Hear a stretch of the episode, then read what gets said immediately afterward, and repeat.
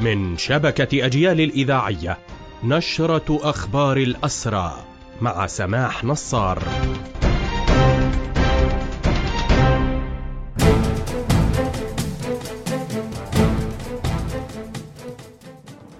أهلا ومرحبا بكم إلى هذا اللقاء. عبر راديو أجيال نقدم نشرة أخبار الاسرى ونبدأها من حملة اعتقالات واسعة شنها جيش الاحتلال الليلة الماضية وفجر اليوم وحتى الصباح. وقد طالت من عدة مناطق أكثر من 26 مواطنا. تركزت حملة الاعتقالات في بلدة بيت أمر في الخليل وطالت 14 مواطنا بينهم أسرى سابقون. كما أيضا توزعت بقية الاعتقالات على مواطنين ويبلغ عددهم خمسة من برقين في جنين أربعة من جيوس في قلقيلية آخر من نابلس ومواطن من القدس. في حين تم الإفراج عن عدد آخر من معتقلين جرى التحقيق معهم ميدانيا. منذ مطلع العام الجاري سجلت أكثر من 4300 حالة اعتقال نفذها الاحتلال وذلك حتى نهاية شهر تموز الماضي. عمليات الاعتقال تشكل أبرز السياسات الممنهجة التي تنفذها سلطات الاحتلال يوميا لتقويض أي حالة مواجهة متصاعدة ضد الاحتلال. المعتقلون الإداريون في سجن عوفر يشرعون بخطوات احتجاجية تمهيدية لبرنامج أوسع لمواجهة جريمة استمرار اعتقالهم. المعتقلون الإداريون في عوفر قرروا اليوم خطوات عصيان وفقا لبرنامج تم إقراره من كافة الفصائل.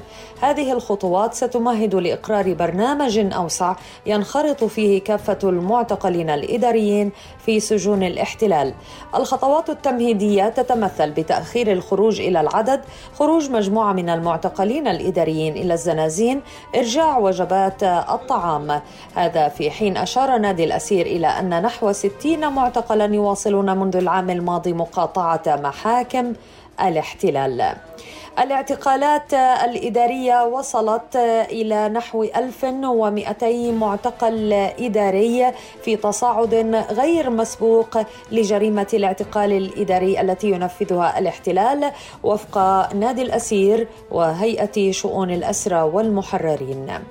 ونواصل في أخبار هذه النشرة. هيئة شؤون الاسرى أشارت إلى أن الاعتقالات التي ينفذها الاحتلال تعكس حقيقة التطرف الصهيوني المتصاعد وطالبت المؤسسات الدولية ومنظمات حقوق الإنسان بالتدخل الفوري لوقف الاعتداءات الهمجية الإجرامية المتكررة التي يتعرض لها المواطنون الفلسطينيون.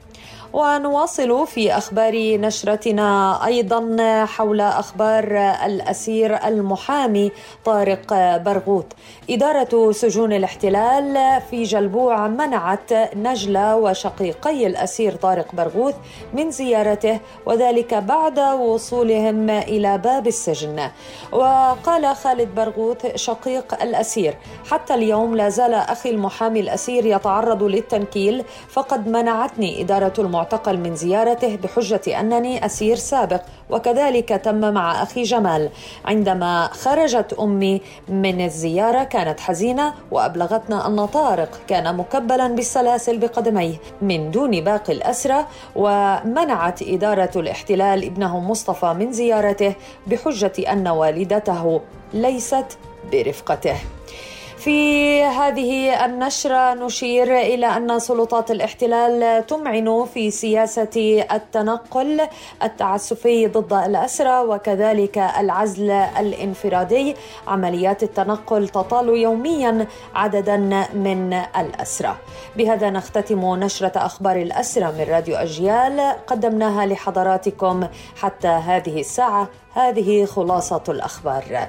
تحية الحرية لأسر الحرية وتحياتي. سمح نصار.